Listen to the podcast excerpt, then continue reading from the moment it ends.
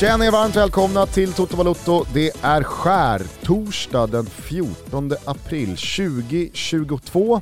Det var fan inte många timmar sedan man eh, släckte ner Champions League-studion efter kvartsfinalrundan då Manchester City och Liverpool avancerade tillsammans med Real Madrid och Villarreal från i eh, förrgår. Eh, det är nästan så att man inte har gått ner i, i puls. Ja, men eh, tyst på dig lite här nu, vill du ha en komplimang eller? Nej, det vill jag inte. Nej, det vill du absolut inte ha, vadå då? Nej. Jo, Va, absolut, vad, du tänker på, vad tänker du på när du, när du ska få en komplimang från Champions League-sändningarna? Är det någonting du tycker att du har gjort bra? Ja, det är väl den där jävla skjortan. Nej, den skiter jag fullständigt i. Det tyckte jag bara Det är, var ändå, det är roligt. ändå fascinerande. Alltså, vad är vi inne på? Över 600 avsnitt, man har gjort ganska många tv-timmar i studion, man har gjort en jävla massa annat. Och sen så tar man på sig en leopardmönstrad skjorta. Ja, men, Får ju 12 gånger mer reaktioner än någonting annat man gör. Ja, men- Säger, tycker, tänker eller... det, det är väl den här Visa. före efterbilden när jag var fet, eller det här, ta av det jävla fittbandet. Alltså det, det är väl de grejerna som, som jag är med, kommer bli mest ihågkommen som.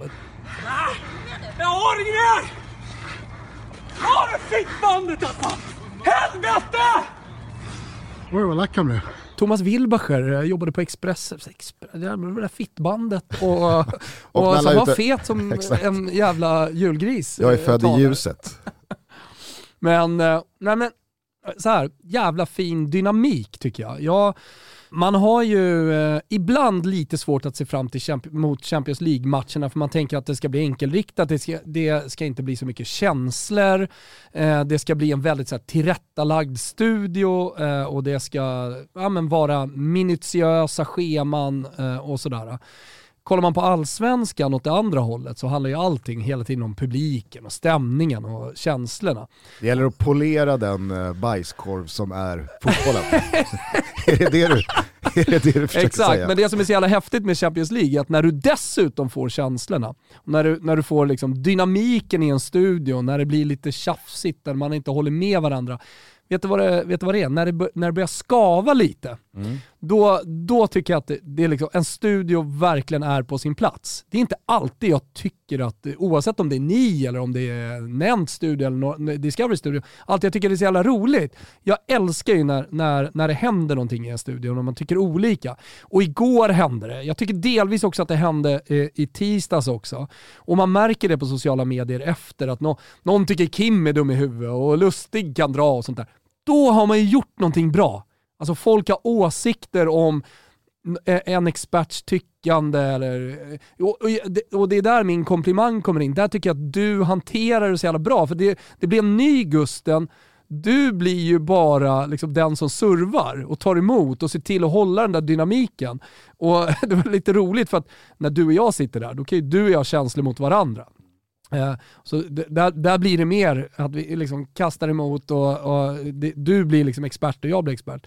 Men här var du då liksom proffsiga programledaren i leopardskjorta som då skulle hantera det här. Men det gjorde jävligt bra skulle jag bara säga och jag tyckte det var en jävligt rolig studio igår. Ja, ja men tack. Eh, och jag noterade också att det var väldigt eh, många som hade väldigt mycket att eh, säga om just Efterstudion. När Ja, det men blev... jag hade också åsikter om Ja, vad ja. Kim tyckte och eh, liksom så här, höll med, med, med, med um, Lustig. Men det är ju det som är hela grejen, Mm, ja. tycker jag. Nej men eh, verkligen, och, och allting handlar ju om den eh, liksom, fotboll, men också det som sker som kanske inte är så mycket fotboll utan mer ja, men, känslomässigt bara liksom, eh, en, en, en, en tävlingsinstinkt som bubblar över. Så har alla sina gränser dragna på olika ställen. Och det är det som någonstans kokar ner till att man känner och tycker och tänker olika om saker och ting. Eh, men jag menar, eh, precis som att Manchester City och Atletico Madrid-spelarna, ja, men det, det, det sköljde över och eh, det, det blev jävligt intensivt, så är det ju det som gör oss som står utanför och tittar på. Också Eh, att man går i spinn och att man tycker olika och att man eh, tänker att men hur fan kan du känna så, hur kan du resonera så, jag tycker och känner så här. Och, ah, det, det, ja, men som neutral fotbollstittare så vill du inte bara liksom, se fantastisk fotboll, det är också underbart. Nej, men när det blir så mycket känslor och eh, det, det, det, är då jag tycker det är som roligast att titta på, eh, titta på fotboll på TV. Ja. Det, det, det, dessutom då så får man en, en, eh, en, en eh, publik och en arena som liksom kokar i känslor. Samma känslor i stort sett som man ser på sociala medier.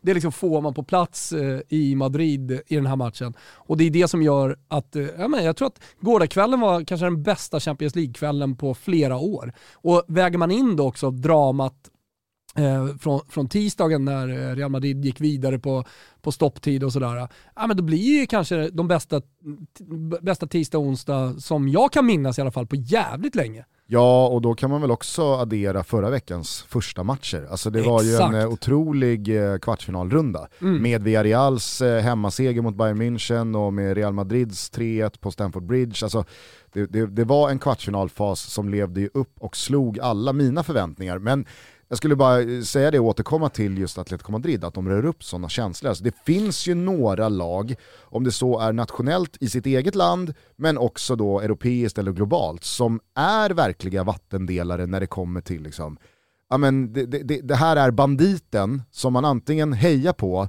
eller som man vill ska gripas och fängslas och så ska man liksom få slippa se dem det är ju eh, så att Atletico Madrid och Diego Simeones Atletico Madrid är ju det laget kanske mest av alla. Mm. Alltså det, det, det, det finns några sådana där rövarband som delar en hel fotbollsvärld. Mm.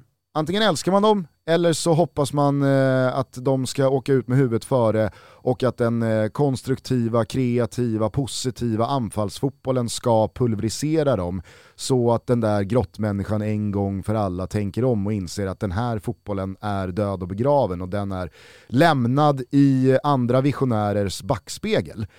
Det är ju ingen som tittar på Atletico Madrid, ser matchen igår som ännu ett exempel från eh, Diego Simeones decennium vid rodret och känner ingenting. Nej, och det, det, är lite det jag menar. Nu är det ett dåligt forum, Twitter alltså, eh, när jag skriver att jag tycker att de är älskvärda. Då är det ju många som hör av sig, jaha, du tycker att det är älskvärt att han slår en på käften, eller att han 20 minuter efter att jag har twittrat det, någon spottar på någon. Ja, du tycker att det är älskvärt och, och så vidare. Det älskvärda är ju att de... Rör... väl ja, det är precis ja, det jag tycker. det är exakt det jag tycker. Nej, men det älskvärda är ju att de skapar dem, eh, dels den fantastiska stämningen som är eh, på arenan, men, men också att laget är ju någonstans läktarna nedtagna på planen. Och det är helt sällan det blir så, att det finns en kultur och en identitet i ett lag eh, där läktaren hänger ihop så jävla mycket med, med det som händer ute, ute på planen. Men Atletico Madrid, det tror att det som nästan kännetecknar dem mest, att det är så jävla mycket känslor i de här stora matcherna. Man brukar ju prata om Real Madrid som lever upp eh, när Santiago Bernabéus eh, strålkastarljus tänds en Champions League-kväll. Alltså det, det händer ju också med Atletico Madrid, men känslomässigt. I, i, kanske inte så jättemycket fotbollsmässigt.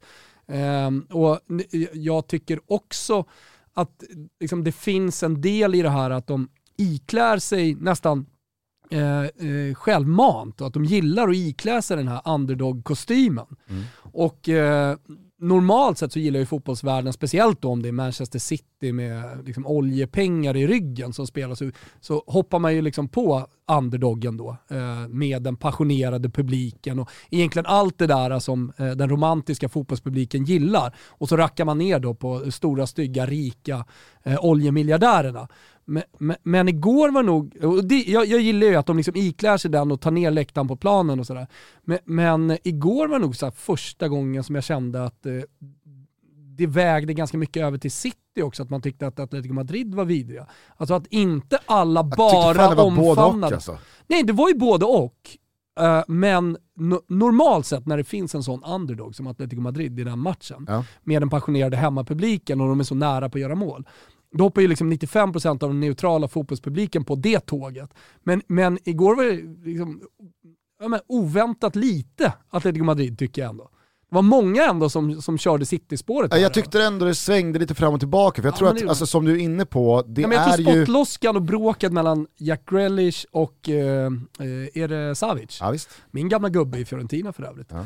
Tidigare City. Tidigare City också eh, i spelargården, men spottloskan också. Där tror jag att liksom så här pendeln vägde över till, till Citys favör, om man ser det i antal som eh, Om det nu valde var- att ta parti. Om det nu var någon 60-talist kvar i Atletico Madrid-båten där, så hoppade den sista 60-talistgubben över till eh, Jo, City-sidan men då. där, där finns ju ändå Premier League, eh, alltså Nej men spot, säga, spotloss, när- spotloskan är ju verkligen, det, det är ju den sista bossen för väldigt många. Men HK har väl fortfarande inte liksom landat i att Totti var en bra fotbollsspelare Du menar, Spotty. du menar Spotty? Ja exakt. Ja.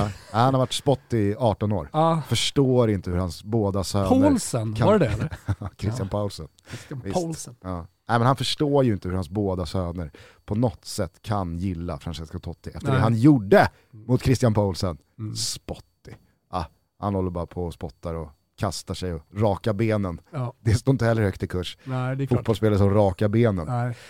Eh, nej men, eh, Men vilken sida stod han på igår, sk- skulle du gissa? Eller du kanske till och med vet? ah, ja alltså eh, 100% i magen säger att han liksom, äh, fy fan, ut med, ut med, ut med Atletico. Ja. Ut med dem bara. Ja. Så här kan man inte hålla på. Sen så, sen så, sen så vet jag ju att han, liksom, han gillar ju Diego Simeone och hans liksom, passion, att han krämar ur det mesta och nästan alltid eh, 100% av sitt lags attityd och karaktär och kondition och fysiska attribut. Så att det, det, Jo men för det, det, det, är ju alltid på plussidan, men när det blir Madrid. så här så, så slår det ju väldigt mycket över för väldigt många och det var bara det jag skulle landa i kring det du sa, att det är ju verkligen så att när Atletico Madrid är underdog så spelar det också roll vilka de är underdog emot. Såklart. När Atletico Madrid är underdog mot Bayern München eller mot Liverpool, Mm. då tror jag att väldigt många eh, har eh, en inställning till att ja fast det är ju ändå ett favoritlag som är lätta att tycka om också. Mm. Men när motståndet heter Manchester City eller om det hade hetat PSG, då blir ju alla insatser tror jag extra höga. För det finns då moraliska tveksamheter i det som har byggt Manchester City och eller PSGs framgångar som inte alls träffar och kittlar samma punkter hos eh, alla oss andra som tittar på när det gäller hur man ser på Atletico Madrid. Så då blir det som att Atletico Madrid ska då slåss mot eh, allt det som är dåligt med PSG och eller Manchester City.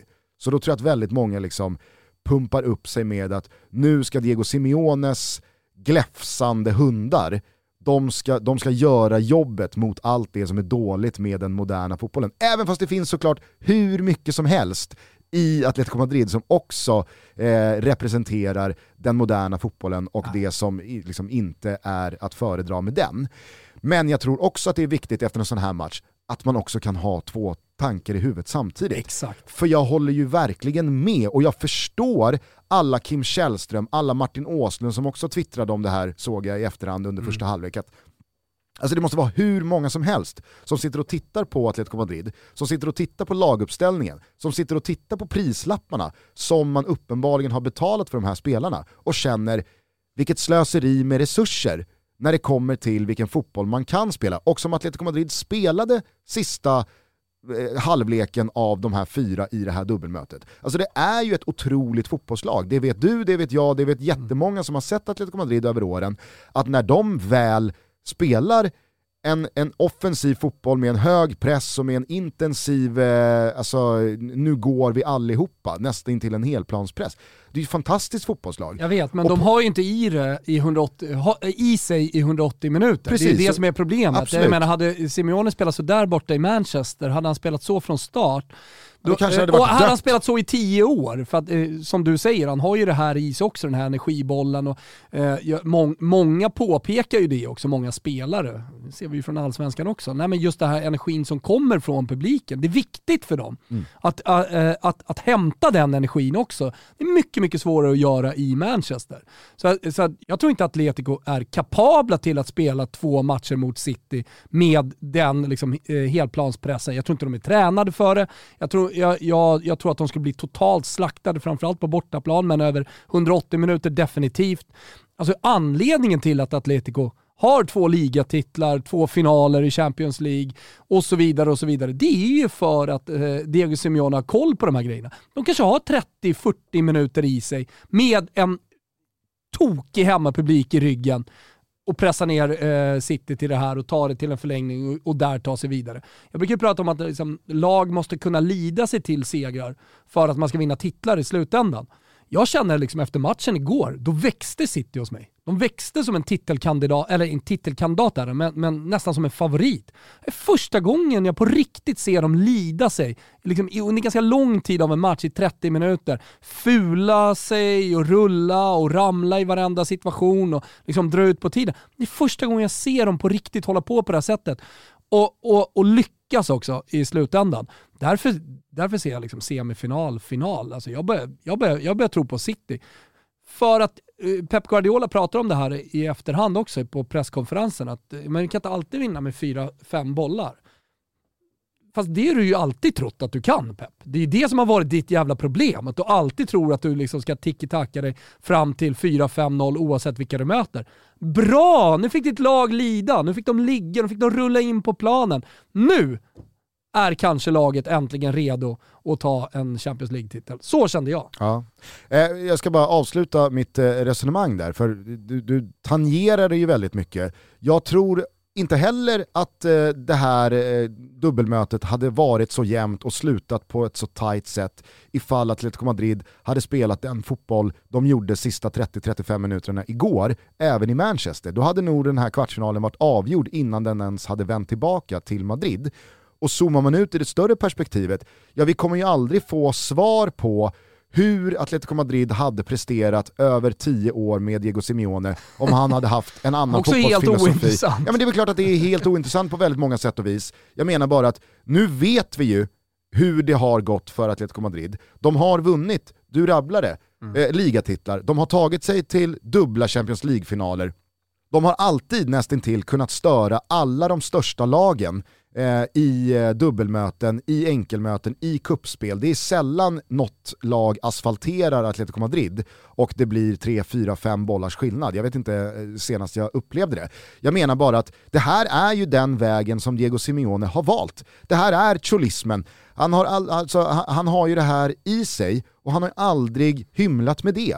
Och kolla bara på hur det Sen ser är det ut. inte alltid Koll- de blir nedtryckta som de blir i Manchester heller, ska Nej, gudarna veta. De har tredje flest mål i, i La Liga, en ganska medioker säsong för dem. Eh, Så att jag menar, det, det, de gör ju en del mål och de kan spela anfallsfotboll också. Absolut, jag säger bara att insatsen i den här eh, kvartsfinalen, och då väger jag in båda mötena, det rimmar ju till 100% med vem Diego Simeone är, vilka Atletico Madrid är och vad som uppenbarligen uppskattas och älskas av deras supportrar. För det är väl bara att kolla på hur det såg ut på läktarna igår efter slutsignalen. Alla står kvar, alla står med halsdukarna utvecklade, alla står och applåderar, alla står och hyllar sina hjältar för att de har spelat den fotbollen de har gjort. Det har sett ut som det har gjort, de föll med någon slags moralisk flagga i topp, tycker alla de inblandade. Ja men gott så, alltså jag har liksom inga problem med det. Men jag kan absolut förstå utomstående som tycker att borde inte man kunna spela en annan typ av fotboll med så här många skickliga fotbollsspelare i laget? Jag kan ju förstå den tanken och jag kan förstå att spelare, gamla spelare, typ en Kim Källström som tänker Antoine Griezmann eller Joao Felix eller vilka det nu är i det här laget. Han, han om någon vet väl hur stora offensiva spelare tänker genom åren när det blir en för defensivt präglad fotboll. Att det kanske inte är så kul alla gånger. Man har bara en karriär, en säsong är lång och att då springa och ta det här jobbet, kolla bara på den diskussionen som blev kring Emil Forsberg i, i, eh, i landslaget. Eh, när då eh, alla rykten gjorde gällande att nej, men han har ledsnat på att springa och jobba defensivt som Mm. någon eh, vänsterytter och han ska vara fri. Alltså, Det är ju inte, det är liksom, man kan ju förstå vissa lager samtidigt som man förstår andra lager i Framför- vad som tar sig han, uttryck. Han låste liksom. sig lite eh, på Jao Felix. Han har ändå gjort liksom, vadå, nio mål och fyra ass eller någonting i ligan den här säsongen. Alltså det är Griezmann som inte har riktigt levererat och kommit fel och det är mycket rykten att han ska försvinna och så vidare. Jag tycker ändå liksom att det här dubbelmötet, framförallt bortamötet, eh, Fast Antoine Griezmann kommer ju tillbaka till Atletico Madrid, det är samma tränare, han vet ju precis vad det är för klubb, vad det är för lag, Absolut. vad det är för Men fotboll han som har ju inte spelas. lyckats, jag menar bara att igår pratades väldigt mycket om Jao Felix. Jag menar, han, han har ju fått sina chanser, han bröstar ner bollen till eh, Griezmann igår när, när han håller på att göra mål. Alltså, han, han, har, han har i La Liga spelat mycket mer offensivt än vad han gjorde mot Manchester City. Ja, ja alltså, så här, jag, jag, jag vet inte Så om, måste ju alla någonstans jag vet inte om du och jag matcher- tycker något olika Nej, här, om tror vi inte. Argumenterar mot varandra. Nej. Jag tror bara att, eh, vi, vi sa ju det förra veckan, eh, Atletico Madrid fick ju uppenbarligen med sig det näst bästa resultatet de kunde få sett till hur de attackerade den matchen i Manchester. 0-0 var jackpot, eh, 0-1 det var liksom det näst bästa de kunde få i och med att matchen såg ut som den gjorde. Och så står de pall i ytterligare en halvlek, de har lite marginaler med sig i och med att både Kyle Walker, men kanske framförallt Kevin De Bruyne tvingas utgå. Så City tappar ju också lite då i kvalitet, men jag tror kanske framförallt liksom så här referenspunkter Mm. rent spelarmässigt inom gruppen. Har du Kevin De Bruyne i det där Manchester City, då tror jag att väldigt många spelare också smittas av det. Mm. Att fan vi har Kevin, Kevin leder Mm. oss. Vi, han, han, eh, han visar vägen. Mm. Men när de spelarna försvinner, och den, den dynamiken finns ju även i lag som Manchester City, såklart. Men när det då står no- 0-0 i den här matchen, ja då blir det ju också till slut så att Atletico Madrid vet ju att Manchester City är vidare. De kommer inte behöva gå för något mål, de kommer inte behöva chansa, de kommer droppa lite lägre. Så att efter 193 minuter av det här dubbelmötet så är ju Atletico Madrid ett mål ifrån att ta det till ett likaläge och förlängning. Och det ska gudarna veta att de verkligen skrapar ju fram chanser och situationer där det där målet kan falla Mm. sista halvtimmen, sista kvarten, sista tio minuterna. Och då är det ju liksom bara konstatera att Diego Simeone valde väg, han var ytterst nära att eh, spela 1-1 och ta det till förlängning, och vem vet vad som hade hänt då. Och, och sen så får man väl tycka precis vad man vill om den fotbollen. Ja, Men jag vet, men men, går- men det jag, tror liksom så här, jag tror så här att om jag sitter i soffan och tycker, eller, eller Bosse eller HK, vem det nu är, eh, så är det ju en sak. Men efter den matchen, efter den showen man bjöds på, så tycker jag att det är lite fel ton och lite taktlös eh, att eh, liksom det första man landar på är att man tycker att det är härligt att City har gått vidare.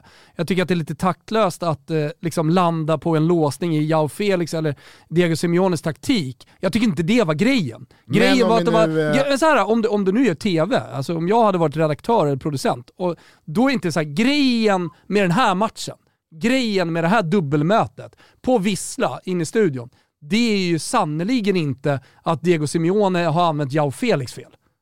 Nej, så kanske det inte Men det var, ju, är, det var ju det som hände och det var därför folk reagerade. Jo, fast grejen med den här matchen och grejen med det här liksom, eh, slutskedet, det är ju att det rör upp väldigt många känslor och väldigt många hamnar i olika ringhörner i hur man liksom ser på fotboll, vad som är okej och inte. Och om man nu uppar alla känslor som är på plan, ja men då får man väl också förstå att folk känner väldigt starkt åt olika håll. Ja, självklart. Jag tycker bara det är konstigt att landa i just den grejen och det är därför jag tror folk reagerade. Sen håller jag med om att man, alltså, du måste ju kunna kritisera en taktik. Det är därför, det, det, därför eh, vi håller på med det här höll jag på att säga. Du måste ju kunna gilla en typ av fotboll eller en annan typ av fotboll. Det är ju inte konstigt. Utan jag tror att det var tajmingen eh, och eh, att känslorna var så jävla liksom, längst ut på skinnet. All over the place, All som over the eh, prins place. Daniel en gång sa. Och det kanske var också därför det blev som det blev. För jag, jag såg att Lustig, han var lite irriterad. han, han, han gillade ju, och det blev och jag tror också att Micke och Kim polariserat är igår. Det, det var i- svart eller, Ja, svart eller vitt. Och de är ju det- väldigt olika i det där. Exakt, de är väldigt olika och det var det, det, var det jag berömde i inledningen här. Eh, Det var, det var en komplimang och det, jag, tyck, jag sitter ju här nu och blir själv lite upprörd över det. Men i slutändan så blev det ju ruskigt bra TV tycker jag. Eftersom eh, många uppenbarligen har så mycket känslor. Sen tycker jag att man kan liksom tona ner sitt surr lite när man liksom tycker om experter i TV. Men det är väl bara jag som tycker. Toto Balotto är sponsrade av Max. Fina, underbara, delikata Max. Sveriges, om ni frågar mig, godaste burgare. Och jag tror att det är många som skriver under på det. Och för oss Max-veteraner som nyper en cheese and bacon här och en frisco där, så är det alltid lika trevligt när nya fräscha spänstiga kampanjburgare kliver in och gästspelar på menyn. Va? Just nu är det burgaren Pepper Jack and Chili som faktiskt gör comeback på Max och det fattar ju alla att det är av en anledning, för det är en ruskigt jäkla god burgare. Dubbel Pepper Jack-ost, Philly Chili Mayo, picklad sötsyrliga chilis, Ja, som en pressad halvvolley, rätt upp i klykan. Pepper Jack and Chili dessutom, precis som allt på Max meny, klimatkompenserat till 110%. Och så vet ni ju att eh, man alltid på Max kan välja mellan svenskt nötkött, grillomi eller plantbaserade plant beef. Något för alla smaker helt enkelt. Så beställ Pepper Jack and Chili i Max-appen. Där kan du både välja när du vill att den ska vara klar för upphämtning och välja om du vill ha bordservering, ta med dig maten eller få den levererad ut i bilen. Passa på att testa den här kampanjbörjan innan den försvinner. Vi säger hur som helst stort tack till Max, Sveriges godaste burgare, för att ni är med och möjliggör Toto Balotto. Vi är sponsrade av Flowlife. Och eh, ni vet vad de är vid det här laget hoppas jag. Det är bara att gå in på flowlife.com annars. Landets ledande produkter inom kategorierna träning och återhämtning. De har på sin kundlista flera allsvenska klubbar. De har svenska dam och herrlandslaget. De är också internationellt erkända. De har franska fotbollslandslaget, Paris Saint-Germain och så vidare. Detta är ju en garanti. Det är det jag vill komma åt här. Va? Det är en garanti för riktigt, riktigt bra produkter. Men också väldigt enkla produkter att använda hemma för dig och för mig. Och jag vet att det är många som lyssnar på Toto Balotto som eh, har eh, handlat Flowlife-produkter tidigare. Nu när våren kommer så har de fantastiska träningsredskap. Sådana till exempel som man fyller med vatten eh, till valfri vikt och eh, kan ta med sig till landet eller ut i en park till exempel.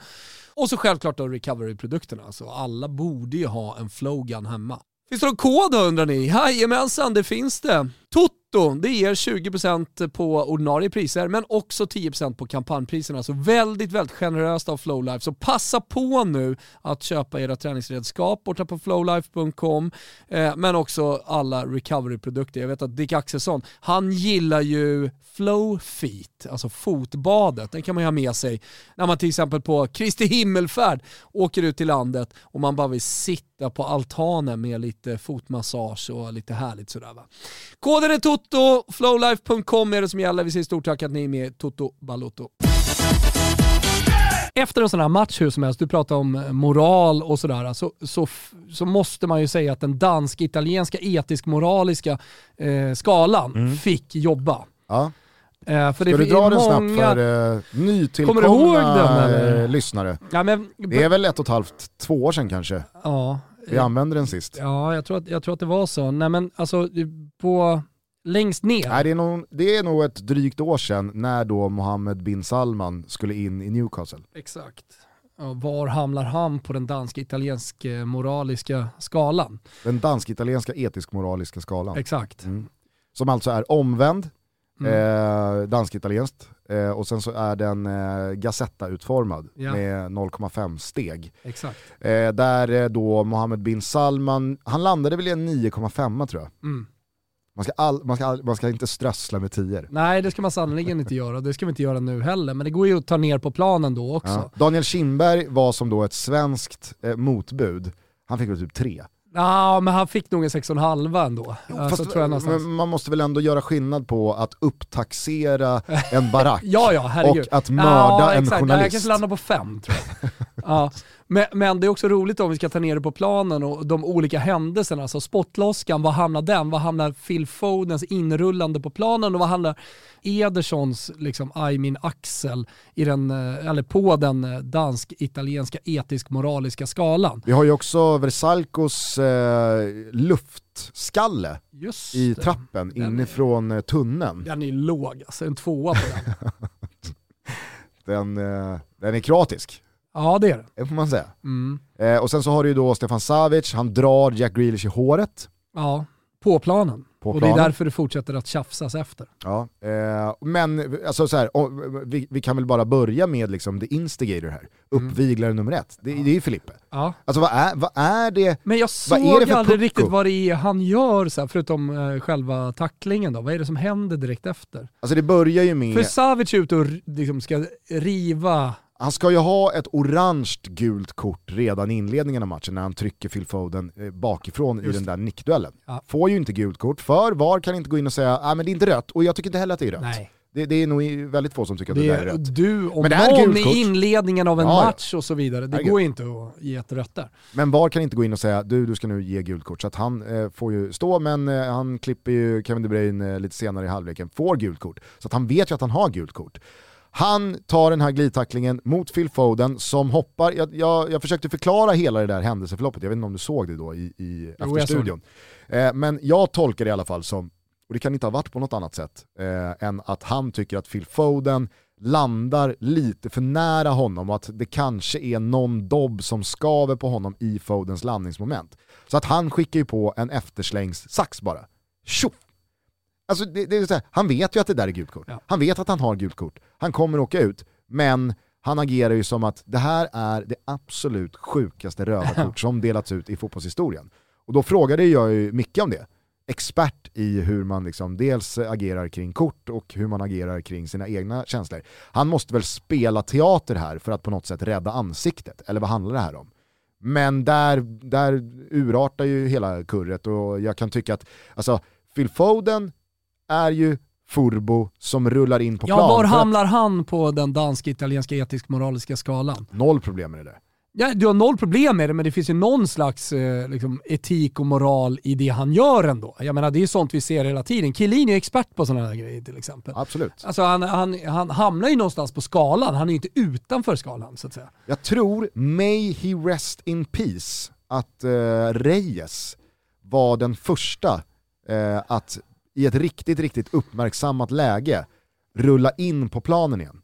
nu jag- får eh, säkert några lyssnare som eh, kan det här bättre än mig rätta mig om jag har fel, men jag tror fan att den här regeln kom till eh, ganska tätt inpå och så fattade Reyes att om jag nu ska få eh, spelet stoppat så måste jag in på plan. Och så rullade han över linjen, ganska långt ifrån. Peppe har väl gjort det här också, många gånger. Nej, men jag, jag, har inte så, jag, alltså så här, jag har inte så eh, stora problem med eh, de här delarna av fotbollen, för att där finns det ju också i andra änden då möjligheten för domarna att lägga till tid. Det här handlar ju bara om att få stopp på ett, eh, en, en puls i matchen, att dämpa tempot, att få till en avblåsning, att eh, regroup.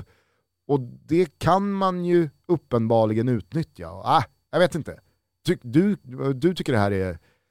Är det värre än Kindbergs upptaxerade Nej, nej, det är ju det barack? som är grejen, men om han hamnar på en 4,5 Är det bin Salman-nivå? Nej, nej, men om, han, om, om Kindberg hamnar på en, hamnar på en 4,5, det är ju trots allt något brottsligt. Eh, även om han blev friad sen, då, så man får inte säga sådana grejer, för då får man birro på sig, höll jag på att säga. Jag skojar bara birro, men du är med på vad jag menar.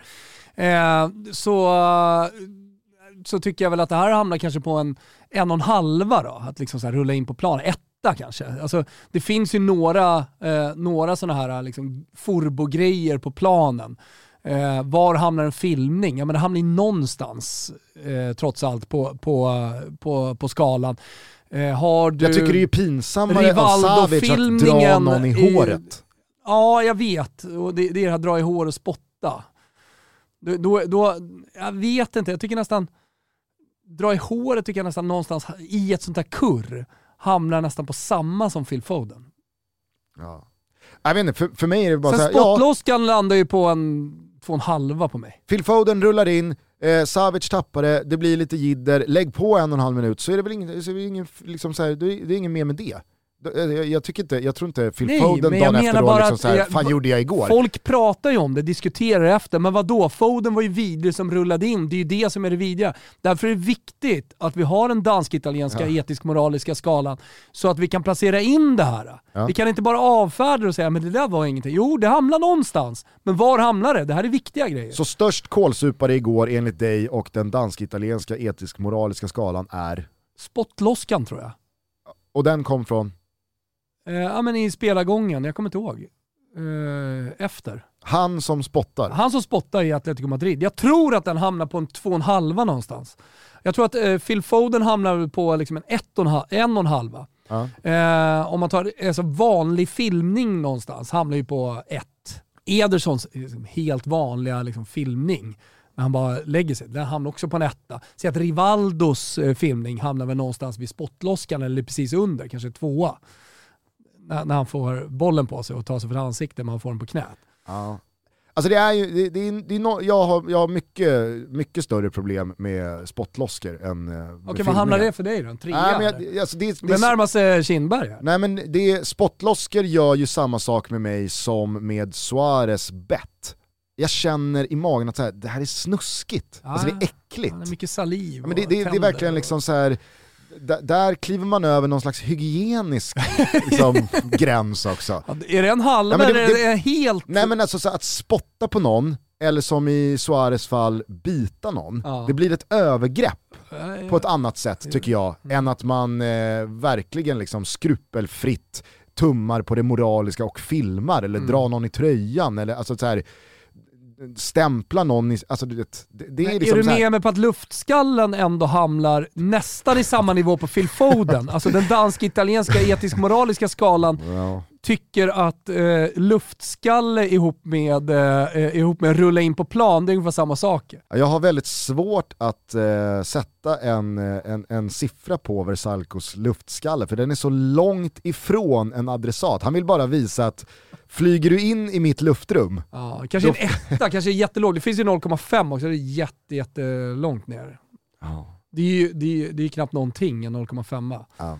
Nej, det, var, det var ett äh, jävla jidder i alla fall. Jag tänker bara, eh, för att... eh, Men jag, jag tänker att någon kanske vill skapa lite grafik kring det här. Vad landar vi nu på då? ja. Att Phil Foden hamnar på en, ett, en, en och en halv eller etta. Vi kan väl konstatera att hur man än väljer att placera in alla inblandade så är det 25. långt upp till bin Salman. Ja, ja, det är jättelångt. Det är jättelångt upp och Kindberg hamnar på en 4,5 femma. Då börjar vi ändå prata liksom tre och neråt här. Så är det. Ja, men eh, om det är någon som sitter på lite grafiska kunskaper så kan ni placera in dem utifrån vår diskussion här så, så kör vi ut det sen. Kitos, K-Rauta. Ah, men jag valde att säga Kitos redan i inledningen av spotten här. Ni är med och möjliggör och sponsrar Toto Balotto och framförallt så är det ju nu inne att vara ute. Njut i den vårsolen som kommer. Ni har väl inte missat K-Rautas nya reklamfilm? Har ni gjort det? Ja, där får ni inspiration av Kristina Skolin och Jarmo att göra i ordning uteplatsen med nya prisvärda utemöbler, ny grill eller om ni har gröna fingrar, ja men piffa till trädgården lite extra. K-Rauta har just nu fina priser på trädgårdsmöbler, upp till 20% på utvalda favoriter. Så besök K-Rautas hemsida eller gå in i något av deras varuhus för att få inspiration till kommande vårprojekt. Jag tycker också att man ska följa dem på Instagram. Hörni, glöm inte bort att bli medlem i deras kundklubb också för att få tillgång till flera erbjudanden. Själv kikar jag på en utesoffa, Cello Bali. Jajamensan. Den har jag kikat på i deras kundklubb, va? där de har speciella erbjudanden just nu. Missa inte sådana erbjudanden. Bli medlemmar. Kitos K-Rauta! Hörrni, vi är sponsrade av Leos Lekland, min favoritplats tillsammans med Florens på det här jordklotet. Vad är det som är så kul på Leos Lekland då? Jo, man klättrar, man springer, man kör parkour, man studsar, man åker eh, Say hello to a new era of mental health care. Cerebral is here to help you achieve your mental wellness goals with professional therapy and medication management support. 100% online. You'll experience the all new Cerebral Way, an innovative approach to mental wellness designed around you. You'll get a personalized treatment plan from a therapist, prescriber, or both in a safe and judgment free space. Your cerebral therapist or prescriber will outline a customized plan with clear milestones along the way so you can get to feeling your best. With Cerebral, you're not alone in your mental health journey. We're here to empower you to live a fulfilling life. So take that first step towards a brighter future and sign up today at cerebral.com slash podcast and use code ACAST to get 15% off your first month. Offer only valid on monthly plans. Other exclusions may apply. Offer ends July 31st, 2024. See site for details. Ryan Reynolds here from Mint Mobile. With the price of just about everything going up during inflation, we thought we'd bring our prices down. So to help us, we brought in a reverse auctioneer, which is apparently a thing. Mint Mobile unlimited premium wireless. Ready to get 30, 30, bit to get 30, bit to get 20, 20, 20, bit to get 20, 20, bit to get 15, 15, 15, 15 just 15 bucks a month. So, Give it a try at mintmobile.com slash switch. $45 upfront for three months plus taxes and fees. Promo rate for new customers for limited time. Unlimited more than 40 gigabytes per month. Slows. Full terms at mintmobile.com. Eh, jävligt roliga ska sägas, rutschkanor och man är där ungefär i, i tre timmar och det är tre för mig i alla fall, ganska intensiva eh, timmar. För att eh, jag kör ju samma sak som, som Florens. Ganska svettig när jag går därifrån. Men det är, det är förbannat kul. Och jag vet inte hur det är med era barn eller barnbarn eh, eller systers barn eller eh, brorsars barn. Men eh, Florens sitter en hel del med paddan. Det blir ju så. Spelar alla möjliga olika spel på den. Och då är det ganska skönt att veta att de under de här tre timmarna, ja då springer hon ungefär 11 000 steg som motsvarar 7 kilometer. Och då får ju jag, tänker jag, också 7 kilometer i kroppen. Så det är bra, man aktiverar, men framförallt i grunden, det är sjukt jävla kul. Sport, lek, äventyr och en massa roliga attraktioner på ett gigantiskt lekland. Bollhavet, bara en sån sak. Helt fantastiskt. Ta era barn till Leos lekland och jag vet att det finns ingenting som de uppskattar mer än att dra dit under tre timmar. Så uh, omfamna nöjet, omfamna det roliga. Ta er till Leos lekland, precis som jag och Florens. Vi säger stort tack för att ni är med och möjliggör Toto Balotto. Eh, vi ska alldeles strax lämna kurret på Wanda Metropolitano. Jag tänker bara att det kan vara bra att eh, nyansera hur det här skildrades i de olika ländernas eh, media efteråt. För det ger ju en ganska bra bild eh, återigen på hur olika man kan uppfatta samma skeenden och samma match och samma händelser. Eh, så det var med hög puls jag i morse öppnade Pavlidis otroliga headlines. Mm. Alltså det, Nej, det vi har sagt det många liksom, gånger ja. I den här podden genom åren, men det är den absolut bästa starten eh, man kan få rent fotbollsmässigt på, på dagen. Eh, då eh, kommer då lite första sidor från England där eh, Mirror kör Mad, Bad and Dangerous. Och eh, under den här rubriken så skriver man då skamliga Atletico. Eh, man kallar dem för odjur, Eh, The Sun skriver om eh, head cases, alltså typ knäppskallar över hela sportettan. Eh, och efter det här eh, tumultet eh, så refereras det till Rio Ferdinands utspel. Vi fick se en del Atletico-spelare uppträda motbjudande. De borde skämmas över en del saker, särskilt Stefan Savic, menar då Rio. Eh, det, alltså för grejer mot eh, Grealish då? Ja, alltså, eller Phil Foden. Jag eller... kom på, vet du vad vi glömde i den dansk-italienska etisk-moraliska skalan? Nej. Vi glömde ju Diego Simeones applåd. Ja, som han eh, själv bedyrade var helt och fullt till eh, publiken. Ja, ja, så när han vänder sig mot Pep Guardiola och kör den applåden och fortsätter mot publiken, då menar han på att nej men jag applåderar eh, matchen. Ja, men, det är ju bullshit. Men, men jag ska komma till ja, okay. ytterligare ett Men vi ska placera in det på den dansk-italienska dansk etisk-moraliska skalan. Det, det vore kul om Simeone skårar högst för att han har applåderat sarkastiskt. Det är det vi har störst, Spontant jag, det är det vi har störst problem spontant, med. Nej, men det får ju någonstans hela stämningen på en helt... Alltså han påverkar ju allt ja. som händer, även sina egna spelare. Och eh, jag förstår ju folk som tycker att det är lite äckligt gjort. Förstår du vad jag menar? Så någonstans måste jag hamna på skalan. Hej, folk är olika. Är det en tvåa eller? Nej, men jag, I och med alltså, att han får med sig så många. Jag vill ju bara för sakens skull att Diego Simeones applåd är det som skårar liksom högst, mest tveksamt på den dansk-italienska ja, etisk moral. Tvåa skulle jag ändå vilja sätta Men säg en trea då så, så är det högst. Ja, tre. Värst tre. av alla igår. Det är en och en halv ifrån Kindberg. Han har bara applåderat. Enligt sig själv bara till publiken. Det är många halva kvartssteg upp dit, så jag menar, det, är en, det är en jävligt välnyanserad skala. Ja, eh, I då relation till hur brittisk och engelsk press valde att summera det här så kan vi då eh, lyfta fram Marcas eh, första sida som då har Corazon sin premio, alltså hjärta utan, utan belöning. Det. det. är den stora huvudrubriken och eh, man fortsätter då med att eh, Manchester City, citat, maskade på ett pinsamt vis gjorde defensiva byten och höll på med allt det där rävspel som visst inte var så exklusivt för Atletico som alla genom tiderna sagt.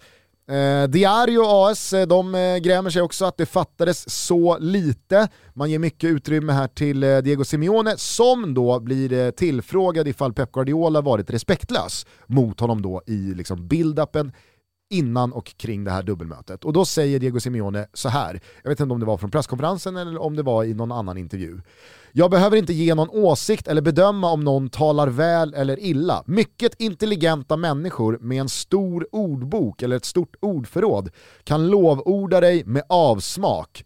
Men de av oss som har en mindre ordbok, vi är inte dumma. säger Simeone, vilket tolkas som sarkasm. Eh, det var bara det jag ville då addera till den här applåden som eh, går att tolka på olika sätt. Att, eh, Som hamnar på en trea på den. Tre. Dansk-italienska. Vad sa du? tre och en halva nu. Ja, nej trea. Ja. Ja, där får vi fan stanna alltså. Nej men jag tycker väl att det här ringar in Fast väldigt... ihop med lögnen efter så blir brottet allvarligare. Det etisk-moraliska brottet blir allvarligare på grund av lögnen efter. Mm. Så att det blir ju en tre och en halva känner jag nu. Ja. Håll med om att det blir en halva värre. I alla fall en kvart. 3.25 hamnar det ju på. Ja.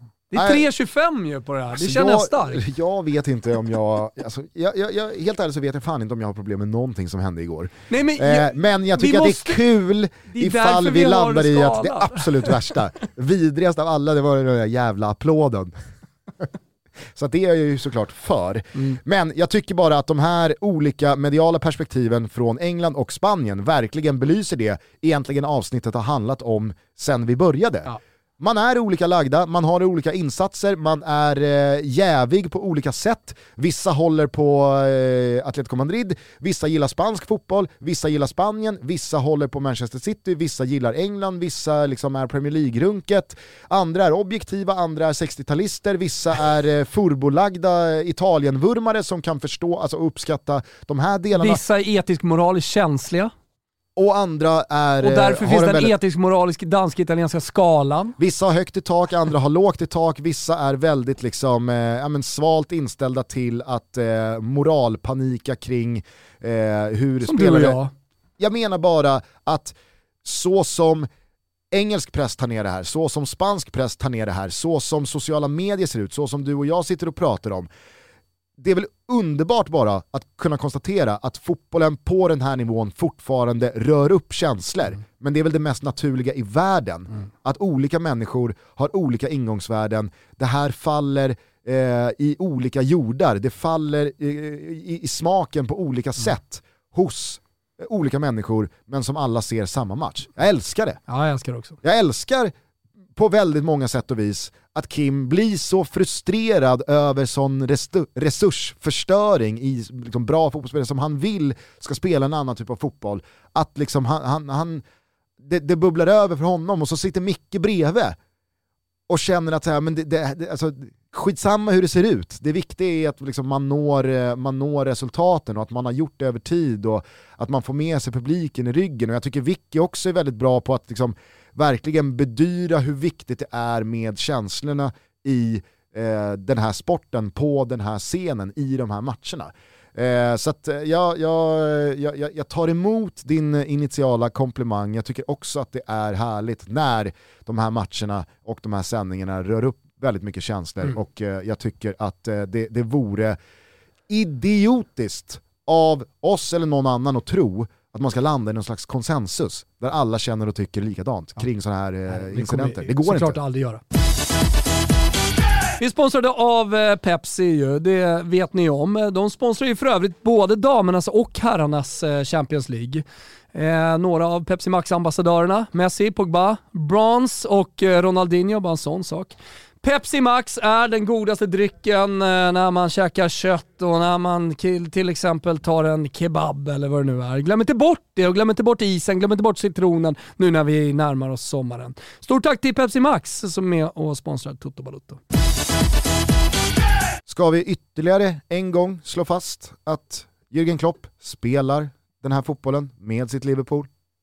Han kommer göra det hela vägen in i kaklet. Precis som eh, Diego Simeone spelar sin fotboll. Nej, men det, det var ju ändå kul att se Benfica gång efter annan ges möjligheter att Ja, ta sig in i den här kvartsfinalreturen med den höga nykomponerade backlinje som står lika högt som den ordinarie backlinjen gör i alla matcher. Det finns ytor. Inte riktigt lika säkra på att ställa offside. men inte precis. riktigt, eh, för det är ju små detaljer där. Det måste Ja. ju liksom vara ett eh, väloljat eh, maskineri där alla ska mer eller mindre känna varandra via telepati. Men det understryker ju bara återigen att det spelar ingen roll vilka det är som spelar. Här står backlinjen. Ingen Vi annanstans. tummar inte på någonting. Okej, nu kostade det tre mål, men de gör också tre mål. Benfica är aldrig närmre att utjämna det här eh, dubbelmötet än två måls marginal som matchen startade med. Så jag menar, det, det, det är återigen, kolla Premier League-tabellen. Kolla målskillnaden Det här är eh, också Liverpool har. anledningen till att Diego Simeone, Jürgen Klopp, Pep Guardiola är så framgångsrika. För att de har en identitet, det finns en kultur i laget, det finns ett sätt att spela fotboll på och man tummar inte allt för ofta på det. Och gör man Aldrig. det över... Aldrig. Förutom igår då när City led Ja. sig till en seger. Det tyckte jag var härligt. Det var, liksom, det, det, var det nya fräscha med City, att, de, att, att de fick lida. Men jag tror också, bara kort instick, eh, som jag var inne på lite tidigare, jag tror också att igår, sist, eh, efter att Kevin De Bruyne och Kyle Walker går ut, jag tror inte att Pep Guardiola har tittat ut på sitt City i en sån här stor och viktig match och undrat, har jag tillräckligt med stora karaktärer? Jag tror att han kände, nej, det, det, måste, det måste till. Ja. För att alltså, efter Company, efter Agüero, efter David Silva, med Ruben Diaz skadad, med Kevin De Bruyne och Kyle Walker utanför, och jag kanske inte ska likställa Kyle, jo fan alltså jag tror att man underskattar Kyle Walkers liksom, roll i det Ja, där det laget tycker jag eh, definitivt, karaktärsmässigt. alltså. Alltså det är, ju ett, det är ju ett lag som lite tittar, ska de jag saknar ju ska du? rövhål på planen lite grann. Och då hjälper det inte att man har en Phil Foden som rullar in på planen, eh, eller en Ederson som eh, får lite ont i axeln. Man måste ha större rövhål på planen. Mm. Nej, men, och, och, Lite för snälla. Och det tror jag var en alltså, konsekvens, eh, konsekvensen att eh, Manchester City fick lida och låg så lågt och eh, såg så desperata ut eh, sista halvtimmen igår. Jag tror att det häng, hänger väldigt mycket ihop med just det. Men de lärde sig något. Ja, och att det kanske var så här, därför fick eh, Pep tumma på sin filosofi. Men jag tror också han insåg att vi får väl se vad det räcker till den här säsongen, men i sommar, vi behöver plocka in en eller två, kanske tre liksom. Rövhål. Haaland. Perfekt ju. Ja. Rubriker igår bara, att eh, de går hårt för honom. Eh, men, eh, tillbaka då till eh, din utläggning här om att eh, de tummar aldrig på sina filosofier. Nej, eh, det var väl snarare det. Eh, Jag, jag skulle väl typ landa där. Att- Att, att det finns någonting i de här tränarna som har eh, ett lag som man kan sätta på vita tröjor på eh, och eh, vita mössor så man inte ser spelarna eh, mer, mer än eh, helt neutrala men, men sättet de spelar fotboll på, sättet laget spelar fotboll på eh, är så karaktärstarkt att man känner igen det. Det, det. det finns liksom en kultur, jag tycker Ten Hag är en annan tränare som har det. Eh, och, och det är de tränarna någonstans i slutändan som lyckas bäst, tror jag. Det är min bestämda åsikt i alla fall. Jag tycker att det bara är att ta av sig hatten och applådera Jürgen Klopp här. Han eh, gamblar lite med den där startelvan i och med att han roterade så friskt som han gjorde. Men han tar sig ur det utan några som helst problem. Man är i semifinal mot Villarreal och nu kommer man in med betydligt fräschare buggar till fa Cup-semin mot Manchester City än vad de gör mot Liverpool. Så att, eh, det, det är bara att applådera eh, Klopp här eh, på alla sätt och vis tycker jag. Eh, och, och så kan vi stänga den eh, kvartsfinalen. Vi kan backa bandet snabbt till i förrgår då, när Villarreal trots eh, ledning då, in i returen på Allianz Arena mot alla odds ändå, slår ut Bayern München. Evening. Eh, och det var ju en sån här match, eh, vi har haft några sådana den här säsongen. Eh, Italien-Nordmakedonien var ju en sån, eh, där Nordmakedonien har ett skott på mål eh, och det är ett distansskott och det råkar sitta. Alltså i den här matchen så eh, tror jag att Villarreal bara har det skottet på mål som man, som man sätter. Sen har man Ja, det, några, kanske är några ett, chanser. det kanske är skott på mål, men de har ju några ja, omställningslägen. man har ju tre, fyra ja, omställningslägen, Ja, ett par definitivt. bra lägen i första halvlek också. Absolut, absolut. Men, men eh, i, i övrigt så är det liksom ett Bayern München som inte får in bollen. Eh, det, det är det matchen handlar om. Men sätter man sig i det läget från första matchen, man gjorde det mot Salzburg, då, då lyckades man liksom få hål tidigt på hemmaplan. Och jag tror också att Salzburg inte riktigt orkade. Här fanns det i, i Villarreal ett helt annat ledarskap, en helt annan rutin eh, så, som gjorde att man liksom stod emot eh, den här första halvtimme-pressen. Man, man lyckades som du säger ändå skapa lite chanser som gjorde att jag tror man fick liksom ännu mer moral i, i den här matchen och att, att man liksom orkade hela vägen till halvtid. Och då kunde eh, Unai Emery få ett snack i omklädningsrummet, liksom skjuta in ännu mer moral i dem inför den andra halvleken som gjorde att de eh, ja, men, kunde göra det där målet till slut. Trots att man Ja, trots att man tidigt Bayern München får eh, ett mål med Lewandowski så orkar man ändå stå upp. Och jag tror, jag tror, jag tror att där, där handlar det dels om rutin och erfarenhet såklart, men det handlar också väldigt mycket om, eh, om ledarskapet. Eh, och inte jag- bara tränarens ledarskap, men också ledarskapet ute på planen. Eh, och där, är ju Villarreal mycket starkare än till exempel Salzburg. Eh, men, men det är ju marginaler också ska ju sägas som är emot Bayern München i den här matchen. Ja, absolut, men jag tycker det är viktigt att understryka, inte bara över eh, 180 minuter utan kanske framförallt då under eh, den här andra halvleken på Allianz Arena, att Visst, Bayern München, de tar ledningen med 1-0 och utjämnar dubbelmötet till 1-1 och de går för tvåan och Villarreal ligger lågt. Men utöver Thomas Müllers jätteläge som han naturligtvis ska sätta och 2-0 där, ja då är förmodligen Bayern München i semifinal. Där, där sjunker ju liksom... Ja men så gör ju inte Rulli sitt livsmatch och kvitterar ut en eh, tia i eh, Gazettan. Eh, det, det, är ju inte stolpe ut på ett helt otroligt sätt för Bayern München, utan de skapar ju faktiskt väldigt få jättelägen sett till hur mycket boll de har. Och det tycker jag verkligen ska landa på Unai Emerys pluskonto i hur man neutraliserar det här Bayern München och inte eh, låter dem komma till speciellt många lägen. Robert Lewandowski kommer ju alltså på de här 180 minuterna till oerhört få målchanser. Sen säger väl det någonting om Lewandowski att när han väl får den, ja då sitter den. Han hade dock kunnat varit utvisad eh, tidigt i eh, den här matchen. Jag tycker att han ska åka ut eh, på ett andra gult där strax efter att han har klippt Albiol första gången. Eh, men jag, jag, tycker verkligen att eh, det, det, är inte på något sätt oförtjänt. Jag, jag tycker om något att eh, Villarreal mycket väl kan åka till Tyskland med en större ledning än 1-0 sett till hur första matchen artade sig.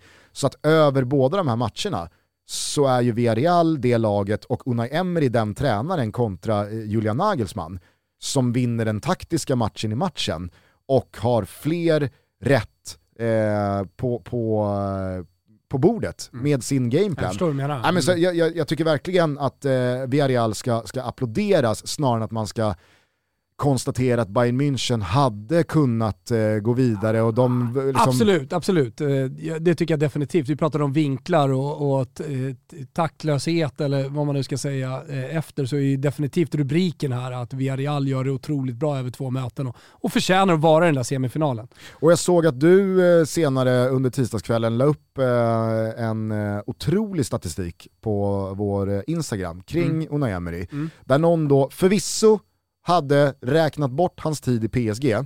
Och det är väl såklart att så här, ja, det kan man ju inte göra, den måste ju såklart vägas in. Men mm. om man nu exkluderar Unai Emerys kuppfacit med PSG, så har Unai Emery alltså 21 raka dubbelmöten i europeiskt kuppspel mm. med eh, tre olika lag. Eh, 21 raka segrar. Exakt, och, och han har nått fem finaler och av de fem har han vunnit fyra. Ja. Alltså det, det, är, det är oerhörda siffror och på tal om Kim Källström då, så har ju han haft Unai Emery i eh, Ryssland och han vittnade ju om det också i studion att ja, men, ja, det är en sån jävla eh, perfektionist när det kommer till videoanalys och han är så oerhört bra på att förstå motståndare och deras svagheter och hur man utnyttjar dem och hur man liksom får in det i den taktiska gameplanen mot just det här motståndet. Och så drillar han laget på få träningspass men väldigt intensivt. Och han är så jävla liksom nitisk och militant i hur han vill ha det för han vet vilka han än möter, hur man slår dem. Och jag menar, ett av de där misslyckanden i PSG, det är ju 6-1 på Camp Nou. Och det är väl klart att liksom, det faller ju på, på Unai Emerys minuskonto, givetvis. Men det är också ett Unai Emery PSG som slår Barcelona med 4-0 i Paris. Eh, och eh, om inte liksom blixten slår ner, eh, gör 3-1 i 78 via Cavani och, och seglar hem det där utan eh, problem. Men eh, jag, jag, jag, jag, har ju själv många gånger pratat om Unai Emery som en kuppspecialist, men de där siffrorna är fan otroliga. Ja, det är faktiskt helt otroligt. Alltså, men, men, det är ju lätt att man landar bara i det. Alla. Ah, ja, han är otroligt bra i kuppen och kolla han har vunnit Europa League och, och sådär. Men sen så såg jag de där siffrorna, konstigt att de inte riktigt har, har varit ute tidigare, PSG åt sidan, men ändå. Otroligt. Ska vi bara avslutningsvis då eh, säga någonting om eh, Real Madrid mot Chelsea. Engelsmännen åkte till Santiago Bernabéu och vann, men Real Madrid avancerade. Ja, men det kändes ju hela tiden tycker jag i den där andra halvleken eh, som att Chelsea skulle lösa det. Det skulle bli en sån där match som blir ihågkommen som eh, ett, ett episkt tapp. Eh, att man eh, tappar huvudena lite kanske, man tappar moralen, eh, man, man, man förlorar matchen för att man inte riktigt är, är eh, mer fokuserad, alltså precis det Real Madrid inte är i Champions League-kvällar på hemmaplan. Alltså precis det blev de. Alltså vi har ju PSG-Barcelona eh, som eh, liksom kanske är det bästa exemplet på det. Att på den här nivån, då ska vi inte se det där. Real Madrid på hemmaplan, det ska liksom inte hända. Och så när det var på väg att hända, och när de fick in den där 3-0, trots att målet blev bortdömt på Marcus Alonso, så, så, var det liksom som att nej men allting, allting bara talar för det. Det är spikrakt mot att Real Madrid ska åka ur. Men det är ju sådär, när man har otrolig jävla klass i ett lag så går det alltid att, och, eh, vad ska jag säga, ändra på eh, fotbollslagarna på något sätt. Eh, och om det då är någon slags lag, att eh, när en match är på väg åt helvete för ett lag, det går inte att ändra på det så som det såg ut. Så, så fanns Modric där och Vinicius Junior fanns där och framförallt så fanns Benzema där. Mm. Nej, jag, jag, tycker också att eh, man, eh, för, för jag, jag, håller med dig, den här individuella briljansen, ja, men den går alltid att plocka fram och så svänger en match 180 grader, upp och ner blir det när eh, Modric vispar till med trollspöt där. Ingen snack om saken. Men jag tycker också att man ska hylla Ancelotti här, som med all sin erfarenhet i det här läget, man håller på att liksom sumpa ett klart överläge som har vänt hem till sin egen hemmaborg, där man är så etablerat starka och det här ska liksom inte gå att tappa. Och så står man där i 3-0 underläge på väg ut ur turneringen. Att då plocka Tony Kroos. Och vi, alltså så här, eh, det, det, är så jävla coolt av Ancelotti. Att plocka Kroos, skicka på Kamavinga, skicka på Marcel, skicka på Rodri. Alltså, det, jag, jag, jag, säger, jag säger inte att de avgör matchen mer än Modric, men det händer Benzema ju och Vinicius Det kommer Junior. in en energi i det där laget. Alltså, det, han, han rör om tillräckligt mycket för att det inte ska bli spikrakt ner i helvetet och uttåg. Men den... Han eh, ändrar ju på matchbilden. Absolut, men i eh, också ett tidevarv där Carlo Ancelotti kanske aldrig får så mycket cred som han förtjänar och man pratar betydligt mer om Klopp och Pep och Simeone och Tuchel och Nagelsmann. Alltså Ancelotti, det, det är ju, ja men alltså så mycket rutin som finns eh, bakom de där skeva ögonbrynen, det är, det är oerhört och jag tycker att han visar en i spader den här kvällen alltså. Mm. Så att, eh, jag, jag, jag, tycker verkligen att det var, det var ett av de eh, häftigare bytena eh, man, man sett en jo, tränare han vis, göra. Han visar ju sin rutin också. Alltså, han har ju varit i de där situationerna tidigare. Han, han vet ju vad han behöver göra för att förändra någonting. Ja, men det, finns ingen, det... det finns ingen som plockar Tony Kroos där. Nej. Ingen. Nej. Var placerar man liksom Tony Kroos bland de bästa mittfältarna i modern tid, kanske just nu också? Nej men han har ju meritlistan eh, för att tävla med de absolut bästa och jag tycker att han har varit eh, en, en, en tredjedel av det där mittfältet som kommer gå till historien som ett av de bästa, mm. alltså yes. tillsammans med Modric och Casemiro. Sen så kan jag väl absolut tycka att Casemiro de senaste två säsongerna väldigt ofta har visat hur otroligt viktig han är med sina defensiva egenskaper. Jag tycker att Luka Modric oftare än Toni Kroos senaste året har blixtrat till med de här liksom wow... Eh, Yttersidan. Insatserna eller detaljerna från vissa matcher som, som får en att liksom, just det, det är på den här nivån de här spelarna är. Eh, Toni Kroos kanske inte har gjort sin absolut mest bländande säsong, men som enhet är de ju fortfarande liksom. De, de, de, de, är... Han är en del av enheten, tycker jag nästan var taskigt mot eh, Toni Kroos. Jo, men och, att, och att i det läget av Ancelotti ha modet och tryggheten i sig själv att liksom plocka Kroos, in ja. med Kamavinga ja. som är 12 år gammal, mm. Eh, i det läget. Nej, så jävla, jävla häftigt alltså. Men eh, fan cred till eh, Tuchel och eh, Chelsea mm. i hur de genomför den här matchen. Och att ja, åka det till... de kommer ifrån lite också senaste två månaderna. Ja, ja men herregud. Och, och, inte minst då förra veckan med torsk mot Brentford, eh, följt av torsk mot Exakt. Real på hemmaplan. Och sen så var det ju en bra jävla genomblåsare mot Southampton i helgen. Men att de skulle åka och göra 3-0, mm. eh, det, det, det, såg inte jag komma och de, de faller ju verkligen med, med flaggan i topp. Mm. Eh, det, det, måste jag ju säga. Så att, mm. eh, det, det var ett eh, fantastiskt dubbelmöte. Nu är det ju lätt att så här, torsdag förmiddag vara kvar i Manchester City mot Atletico Madrid, men om man, om, om, man, om man pausar lite, om man backar lite, ja då finns det ju en kvartsfinal den här rundan som höjer sig över mängden så det bara sjunger om det. Och det är inte City mot Atletico, utan det är ju Real Madrid mot Chelsea. Den, det är ju en kvartsfinal och ett dubbelmöte man kommer komma ihåg väldigt, väldigt länge. Och där fanns det ju, om man nu tycker, om man är lagd så att man tycker att det var dålig reklam för Champions League och för sporten fotboll, eller om man inte Vilket det alls såklart inte var.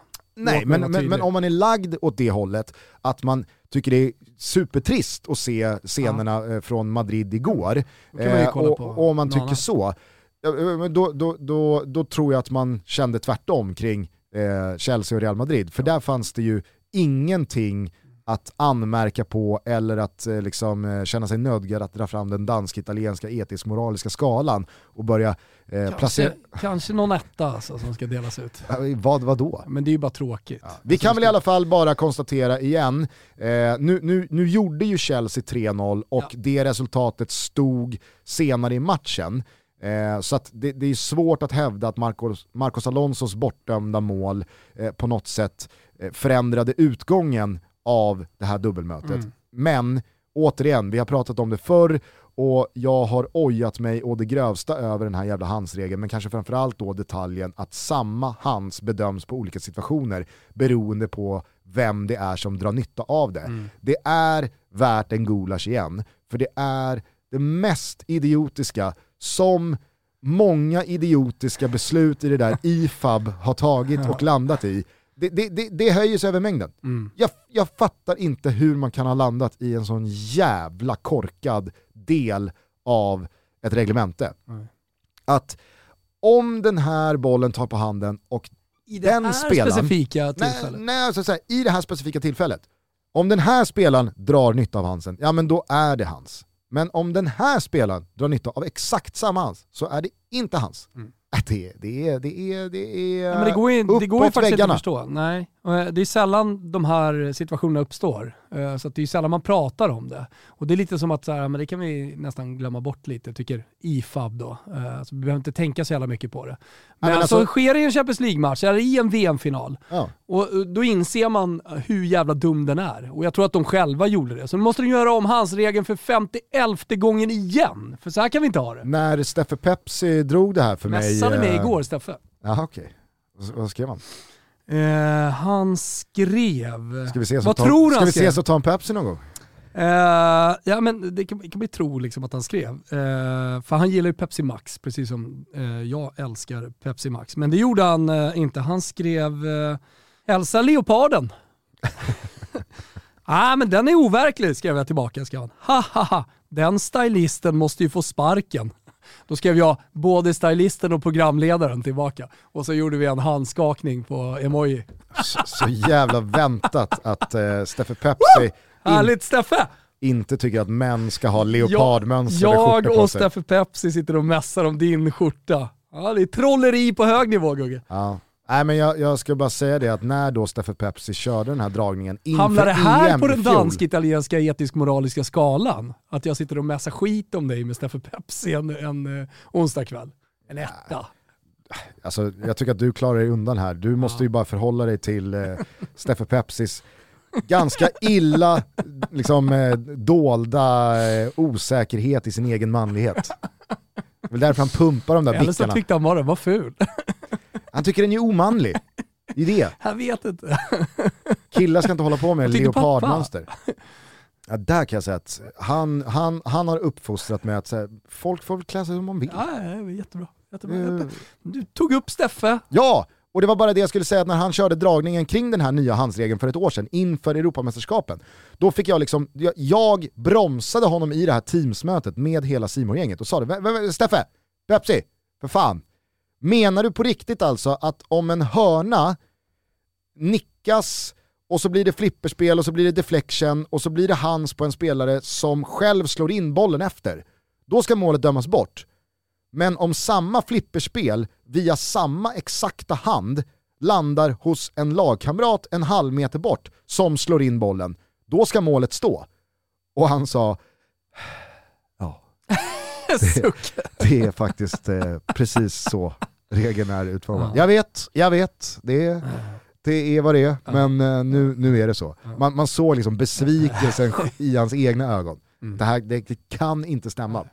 Eh, ah, ja, eh, vi eh, kan eh, konstatera att Real Madrid, Villarreal, Liverpool och Manchester City ska spela semifinalfotboll i den här turneringen under månadsskiftet här nu, april-maj, där de båda engelska lagen börjar på hemmaplan i eh, första mötena. Ja men fan vad kul, hoppas att det blir lika mycket känslor och lika dramatiskt ute på planen som eh, det har varit på de olika sätten i de här kvartsfinalerna. Det hoppas jag verkligen. Och sen så ser jag fram emot eh, flera dynamiska studios från eh, Simor Gusten. Otroligt härligt var det. Ja, nästa chans får du redan på söndag. Eh, För trots eh, påskdag så rullar givetvis Fotbollssöndag Europa vidare. Det är ju Mums. nämligen Sevilla mot Real Madrid från La Liga-toppen. Eh, Marängerna kan ju i princip säkra ligatiteln här vid en seger på Ramon Sanchez Pizjuan. Eh, Vi startar dock 20.30 Okej. eh, på söndag. Det är ju ingen Serie A-fotboll eh, i och med eh, det. Det är påskdagen ja, precis. alltså, det är mässa. på- Jag- Påsken fuckar man inte med. Jag fick på eh, schema. Jag, jag, jag kommer tyvärr inte se er, för eh, jag är ju i Ravenna och letar efter Dantes reliker. Och så ska tjejerna spela fotboll. Men du vet att man kan eh, klicka igång Simors eh, sändningar eh, även, även utanför Sveriges gränser Ja, i, men då kanske i, jag är i E med. EU.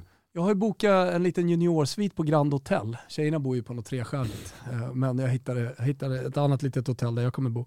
Men eh, Åslundskt av dig. ja, faktiskt. Väldigt, eh, väldigt, väldigt Åslunds. Jag känner ju mer tiden går, desto mer Åslund blir jag. Det, det, det, det är inget bra. Ja, men det är väl eh, liksom drömmen och mallen till ledstjärna. Så är det. Det.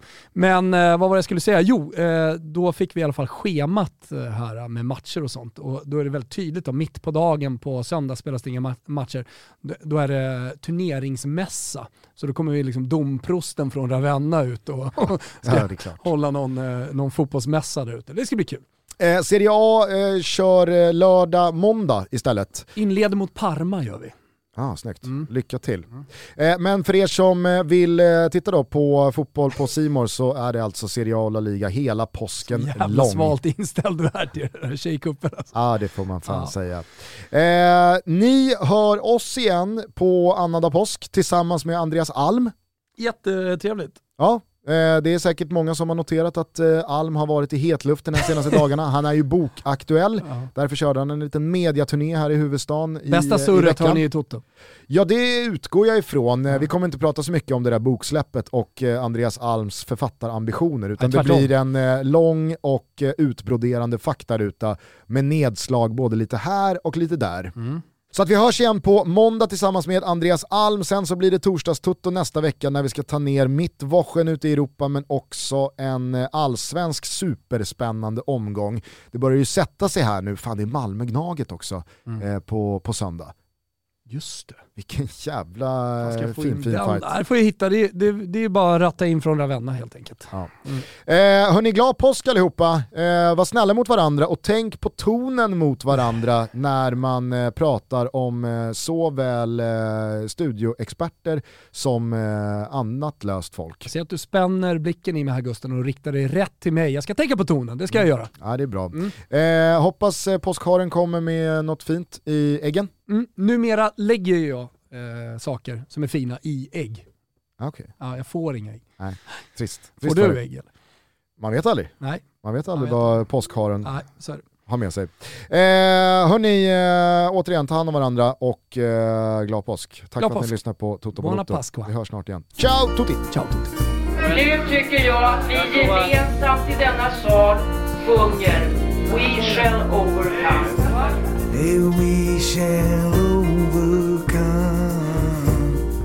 We shall overcome. We shall overcome someday. Darling,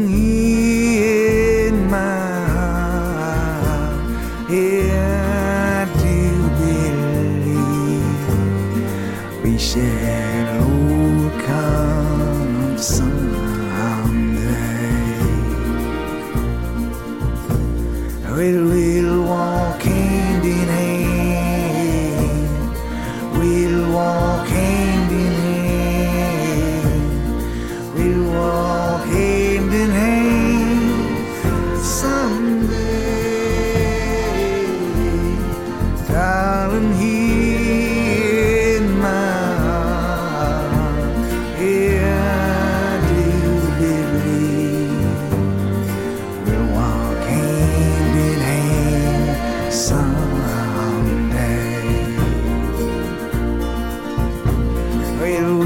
we